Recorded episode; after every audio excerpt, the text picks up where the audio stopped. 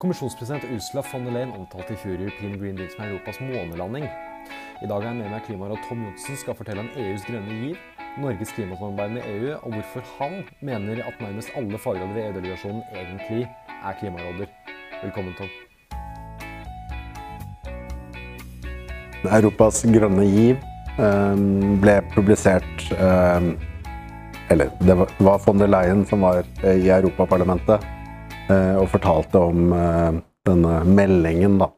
Eh, som egentlig er et slags veikart på hva kommisjonen kommer til å gjøre de neste årene. Og der er marsjordren at Europa skal gjennom en grønn omstilling. Og Green Deal forklarer i, i mye nærmere detalj hvordan det skal gjøres. Men den sier noe om at Eh, nå kommer det en eh, For det første så kommer det veldig mye regelverksforslag fra kommisjonen for å få til denne grønne omstillingen.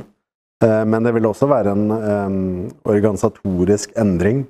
Frans Timmermann, som kanskje er en av de mest profilerte kommissærene i kommisjonen, han er nestsjef i kommisjonen, egentlig. Han er leder for en sånn slags gruppe i kommisjonen av kommissærer Eh, som skal jobbe med Europas grønne giv. Så da er han eh, på en måte egentlig litt sånn visepresident, da, eller semisjef, der han har sin gruppe med kommissærer som han er litt leder for. Og det er sånn typisk eh, mat og landbruk og energi og transport. Eh, sånn at eh, du kan si at eh, Europas grønne giv gjør at klima- og miljøspørsmålet blir langt mer mainstreamet. da. Eh, det er på en måte ikke en særinteresse. Eh, det er noe sektorovergripende. Og det er det jo for så vidt. Det har alltid vært en sektorovergripende greie. altså Klima- og miljøpolitikk er noe man skal drive med i, i, på transport og jordbruk og alt sånt, men eh, det har eh, blitt mer sånn at eh, i stedet for at klima og miljø var noe som var fint å få til, da har det blitt på en måte et mål i seg selv da, for eh, politikken. Eh, men eh, hvis vi kan gå liksom litt sånn konkret på det, f.eks., så, så har du jo dette 55 %-målet eh, som von der Leyen har omtalt som Europas månelanding. Eh, det er jo svært store ord som vekker jo visse assosiasjoner. Eh, hvorfor velger hun å bruke så store ord, og hva, hva innebærer egentlig 55 %-målet? Eh, vi kan jo spole ikke så veldig langt tilbake, eh, men eh, før desember i fjor, altså for et par måneder siden, så hadde EU fortsatt et klimamål på 40% Da skulle man altså i 2030 redusere klimagassutslippene i Europa, eller i EU, da, med 40% sammenlignet med 1990. Dette økte man dvs. Si regjeringssjefene i EU, ehm, ble enige i desember i fjor eh, om å øke det til 55% minst. Ehm, det satt veldig langt inne, fordi det er utrolig krevende. Ehm, det er jo et eh, kontinent som på mange måter har veldig mange utfordringer. Eh, og i tillegg så skal man redusere utslippene sine med en betydelig større andel enn man skulle fra før av. Eh, så det er jo eh, en sånn erkjennelse her nede om at hvis man skal eh, få til de 55 prosentene oppå liksom alt det andre, så, så må egentlig den klimainnsatsen være førende for å få Europa ut av uføre på alle de andre områdene også. Eh, så månelandingen er vel egentlig bare et uttrykk for Altså det er jo selvfølgelig et uttrykk for at den økningen i seg selv var veldig stor, men at man skal få til den økningen samtidig som at man skal løse alle de andre utfordringene som EU-landenes eh, samfunn har. Eh, det, er på en måte det jeg egentlig oppfatter som kan si, månelandingen. Og der er jo liksom det berømte at uh, vi gjør, dette, uh, vi gjør dette fordi det er vanskelig. um, så det er, um, det er sånn jeg tolker det. Men EU er en ganske unik internasjonal aktør i form av at når det gjelder klimapolitikk, så er det jo ikke én stat som bestemmer seg for å ha et visst mål, men det er jo selvfølgelig en, en union, et samarbeid av forskjellige land. Eh, og du nevner liksom kullarbeidere eh, i Øst-Europa, hvor det selvfølgelig eksisterer forskjellige holdninger overfor klima rundt om i Europa. Eh, er det vanskelig for EU som en internasjonal aktør på en måte å skulle få med alle medlemslandene på dette grønne skiftet, når det nettopp eksisterer forskjellige medlemsland som kanskje har forskjellige holdninger? Ja, jeg, jeg tror um, Jeg tror nok det er uh, Hvis man uh, ser litt på det utenfra, så, så blir man egentlig veldig imponert over at EU som blokk, med alle medlemslandene, klarer å enes om et så ambisiøst klimamål. Eh, det er ganske stor eh, forskjell mellom Kan du si Hvilke utfordringer man har eh, i de ulike landene. Og klima er, er, viktig, men kanskje ikke på toppen av agendaen i, i alle land i EU. Og det som, det som, er nytt, er jo også at uh, man i EU er ganske klare på at man skal ha mer finansbransjen på Altså finansbransjen skal være med på, det, på den grønne omstillingen. Eh, så de eh, vil jo da eh, henvende seg til markedet ved å skrive ut f.eks. grønne obligasjoner for å finansiere grønne prosjekter rundt omkring i Europa. De utvikler jo også en sånn taksonomi, eller som vi kaller klassifiseringsforordning i Norge, som, skal gi en klar sånn pekepinn um, på hva som kan regnes som en grønn investering, og hva som ikke nødvendigvis er det. Uh, sånn at det er også en, en, en det er også en faktor inn i bildet her. Fordi Spørsmålet er liksom hvor skal pengene komme fra? uh, ja. Ja, for det er egentlig nøkkeltemaene nå i Europas klimasatsing? jeg vil jo kanskje fortsette litt der vi har startet, med å, med å fortelle om den der litt sånn bredere tilnærmingen. Um, en av de tingene uh, som EU har gjort, da, som er helt nytt, er at deres klimamål nå, i motsetning til før, har gått over til å bli et såkalt nettomål. og det vil si at på én side så har du klimagassutslippene. På den annen side så har du karbonopptaket gjennom f.eks. skog. Eh, I Norge så teller vi eh, Når vi teller oppnåelse av vårt klimamål, så, så ser vi bare på utslipp, ikke på karbonopptak. I EU så var det jo slik at når de hadde det 40 %-målet tidligere, så så de bare på utslipp, men ikke på opptak. Eh, når de talte målet, eh, måloppnåelsen. Mens nå som de har minst 55 eh, mål, så har de både med utslipp og opptak. Og litt av begrunnelsen fra, fra EUs side er at man ved å liksom, Når man inkluderer opptak i, i hele måloppnåelsen, så eh, synliggjør man og skaper mer insentiver for å ta vare på skogen enn en det man gjorde før. Og eh, du kan si at eh, selv om EU og Norge har liksom forskjellig metode, så har vi også forskjellige virkeligheter. Eh, I Norge så har vi et enormt opptak. Det er jo omtrent 50% av utslippene våre som blir dekket opp av opptak hvert år. Mens i EU så er det langt lavere. Sånn at en inkludering av karbonopptak i EU Eh, ikke vil gå nødvendigvis på bekostning av eh, klimamål. Da. Det er såpass eh, la, små dimensjoner man snakker om når det gjelder Europas karbonopptak fra skog.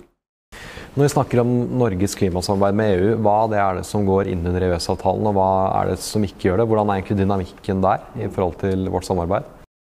Ja, EØS-avtalen er jo et spesielt uh, dyr. Uh, der hvor det er enkelte ting som faller utenfor, og andre ting som, som er inne. Uh, det aller meste er inne. en av de viktigste sakene i EØS-avtalen for klima er Norges deltakelse i EUs kvotesystem. Der har vi vært siden 2008. Og det vil komme ganske fundamentale endringer i det regelverket. Fordi den prosessen man er i nå, i EU, er en omkalibrering av det eksisterende regelverket. Fordi at man har fått et nytt klimamål. Man har satt seg et mål om 55 utslippsreduksjoner i stedet for 40 Og da må regelverket også endres for å være i tråd med det. Da. Dette er en prosess Eller det skal være en, en, en pakke med regelverksforslag som kommisjonen skal fremme i, til sommeren, da, til juni. Um, en pakke som de har kalt for Fit for 55 package, eller oversatt Klar for 55-pakken. og Det er litt sånn selvforklarende. Men da vil jo da kvotesystemet være et av de viktigste virkemidlene for EU for å komme seg fra 40 til 55. og da vil det komme innstramninger, og de vil ha veldig stor betydning for Norge.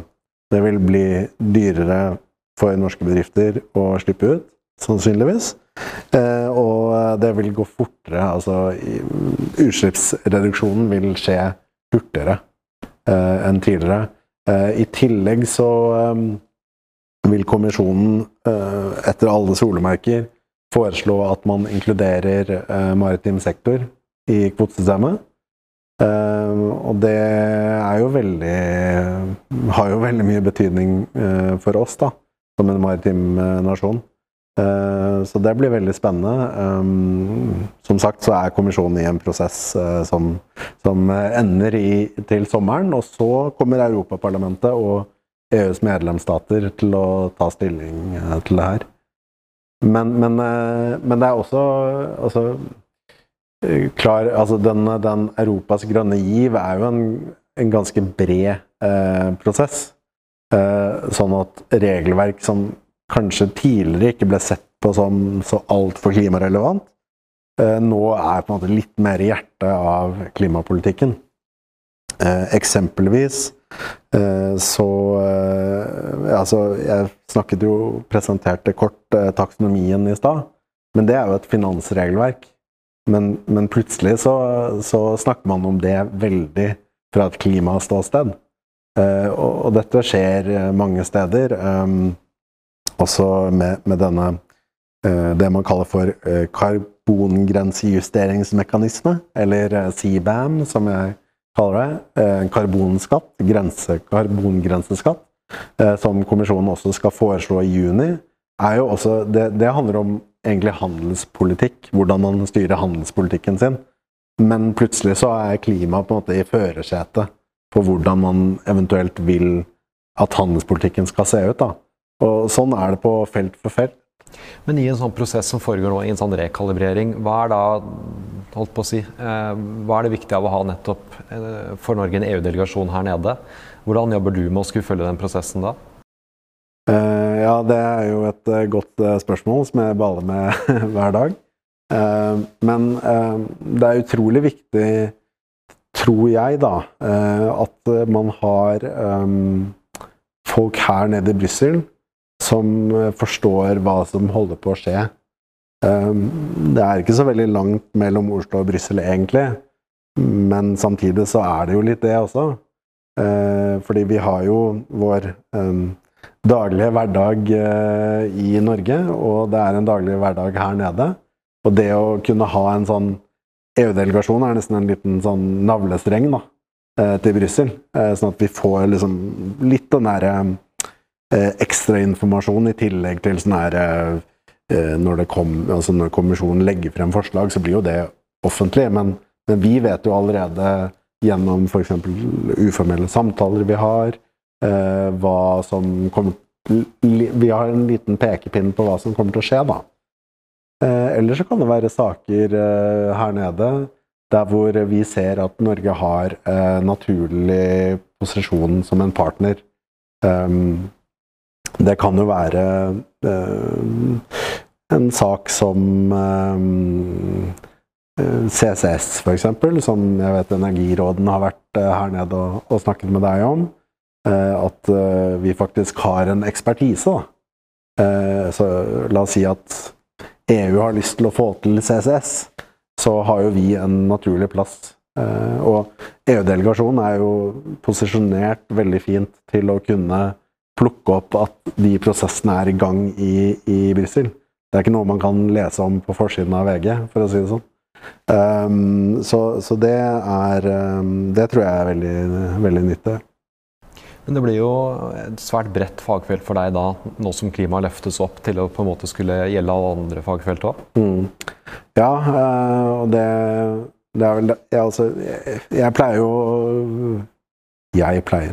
jeg liker ikke å si det, men eh, noen ganger eh, så, så, kan jeg si i samtaler med eh, kolleger at eh, de er på en måte klima- og miljøråder, de også. Eh, fordi, eh, som jeg sa innledningsvis, så er det noe med at Europas grønne giv mainstreamer da klima innenfor alt, egentlig. Eh, så hvis man er samferdselsråd, som jeg har veldig god dialog med samferdselsråden Veldig mye av det regelverket han må bale med i det daglige, eh, har en klimaargumentasjon i seg også. Eller miljøargumentasjon. Eh, sånn sett så mm, På en måte så har jeg en ekstremt bred portefølje, men på en annen måte så har jeg også eh, veldig mange gode kolleger som, som, tar seg av å følge den porteføljen. Da. Um, så det handler jo mye om å, å, ha gode relasjoner til kollegene mine, sånn at vi drar i samme retning og klarer å se eh, både sektor, eh, og klimasaken på en måte i en og samme eh, med, med, samme briller. Da, samme type briller. Eh, men det er veldig viktig å, å klare å, å, ta inn over seg at uh, disse tingene i mye større grad enn tidligere, tror jeg, eh, hører sammen. At man Det er en klar sammenheng der. Så for eksempel så har jeg um, tatt litt ekstra ansvar for Eh, batteriregelverket som, som, er på gang nå i EU. Eh, kommisjonen kom i desember, eh, la i desember frem et forslag til ny batteriforordning som skal erstatte det gamle batteridirektivet av 2006, tror jeg. Hvorfor trenger vi nye regler om batterier? Fordi at verden har forandret seg veldig mye. Batteriverdenen har forandret seg veldig mye. Så det som det var, det var, jo nesten ingen f.eks. elbiler i 2006. Nå er de overalt. sånn at nå er det jo eh, en mye mer moden sektor, da. Batterisektoren, batterimarkedet, er mye mer modent enn, det var for eh, 15 år siden. Men det eh, kommisjonen ønsker å få til med den nye batteriforordningen, eller forslaget, da, som, som er til eh, behandling i Europaparlamentet og, og blant medlemsstatene i rådet nå, eh, det er flerfoldig. Altså, de ønsker for det første å stille krav om såkalt aktsomhetsvurderinger, eller due diligence, i henhold til, til internasjonalt regelverk for bærekraftig næringsliv det skal gjøre at du og jeg kan være sikre på at en del standarder er fulgt da, når det gjelder hvordan de har fått tak i forskjellige mineraler som skal være i et batteri. det er jo aktualisert med, med godeste Nobel, Nobelfredsprisvinner Dennis Mukwege, som, som fikk for to år siden, tror jeg. Der hvor han Han kommer fra Den demokratiske republikken Kongo. Og de er kilde til veldig mye av kobolten som vi bruker i elbilene våre. med det nye systemet så, skal, så vil kommisjonen sikre seg at alle som vil selge batterier i Europa, Eh, har foretatt en sånn slags vurdering, da. Eh, eller en slags screeningprosess av underleverandørene sine. At de faktisk henter mineralene sine fra steder som er drevet forsvarlig, uten barnearbeid, og liksom respekterer HMS-regler. Og at det ikke er sånn store miljøskader knyttet til Eh, F.eks. henting av litium, som også er en viktig bestanddel i et eh, elbilbatteri. Eh, man ønsker også å stille krav om en stund, da. Stille krav om karbonavtrykk fra batterier. Hvis du skal selge de i Europa. Det vil si at du som forbruker kan være etter hvert mye mer sikker på at eh, disse batteriene er laget på en så eh, miljø- eller klimavennlig måte som, som mulig. Da. Det, og det er jo bare eksempler. Det er også krav om uh, hvor mye gjenvunnet materiale du skal ha i batteriene dine. det kan være krav om at batterier Altså man legger til rette i mye større grad eh, for at batterier kan brukes igjen og få et annet liv, som man kaller altså second life batteries. Eh, at, at de kan eh, La oss si Altså når et elbilbatteri er brukt opp, da, så er det jo fortsatt mye kapasitet i det. Så det kan benyttes til sånn stasjonær lagring av energi, f.eks. Det er en stor sånn, utbretting av batteriregelverket som før egentlig eh, i bunn og grunn handlet veldig mye om liksom, hvordan skal vi bli kvitt et batteri. Det var mer sånn avfallsproblematikk. Hvordan skal vi kvitte oss med dette på en forsvarlig måte? Det har blitt til liksom, hvordan gjør vi alt det her bærekraftig, og hvordan skaper vi kanskje til og med jobber, og hvordan skaper vi kanskje til og med et marked for sekundære råvarer? Eh, noe som stimulerer til en sirkulær økonomi. Eh, du er avhengig av et marked for gjenvunne saker hvis du skal ha en sirkulær økonomi. Så det er egentlig det som eh, det som tidligere bare skulle hjelpe på en liksom, liten sak, eller stor sak, alt etter sånn, skal løse liksom, ti saker samtidig. Og eh, det skal komme på en del sånn det EU-kommisjonen har kalt nøkkelverdikjeder. Så batterier er bare først ute av eh, de produktregelverkene som skal ha en sånn total makeover. da. Det høres ut som nok et eksempel på, på, at alt har på en måte blitt dratt opp og blitt mer grønnere og mer sirkulært, som du sier, under dette grønne givet. Ja, og at uh, egentlig litt sånn uh, nå, nå, er ikke jeg tankeleser, men jeg kan jo tenke meg i, i kommisjonen at det er litt sånn at uh, nå er det veldig mye å gjøre der. Så da, det, da, da tenker man sikkert litt sånn at hvis ikke en endring av et regelverk kan bidra i den grønne omstillingen, så er det kanskje ikke så mye vits å gjøre noe med det regelverket, eh, hvis du skjønner. Jeg, jeg, som sagt, jeg, jeg, tror det er liksom en av de virkelig store Eller det er en av de virkelig store eh, formålene til kommisjonen eh, de neste par årene.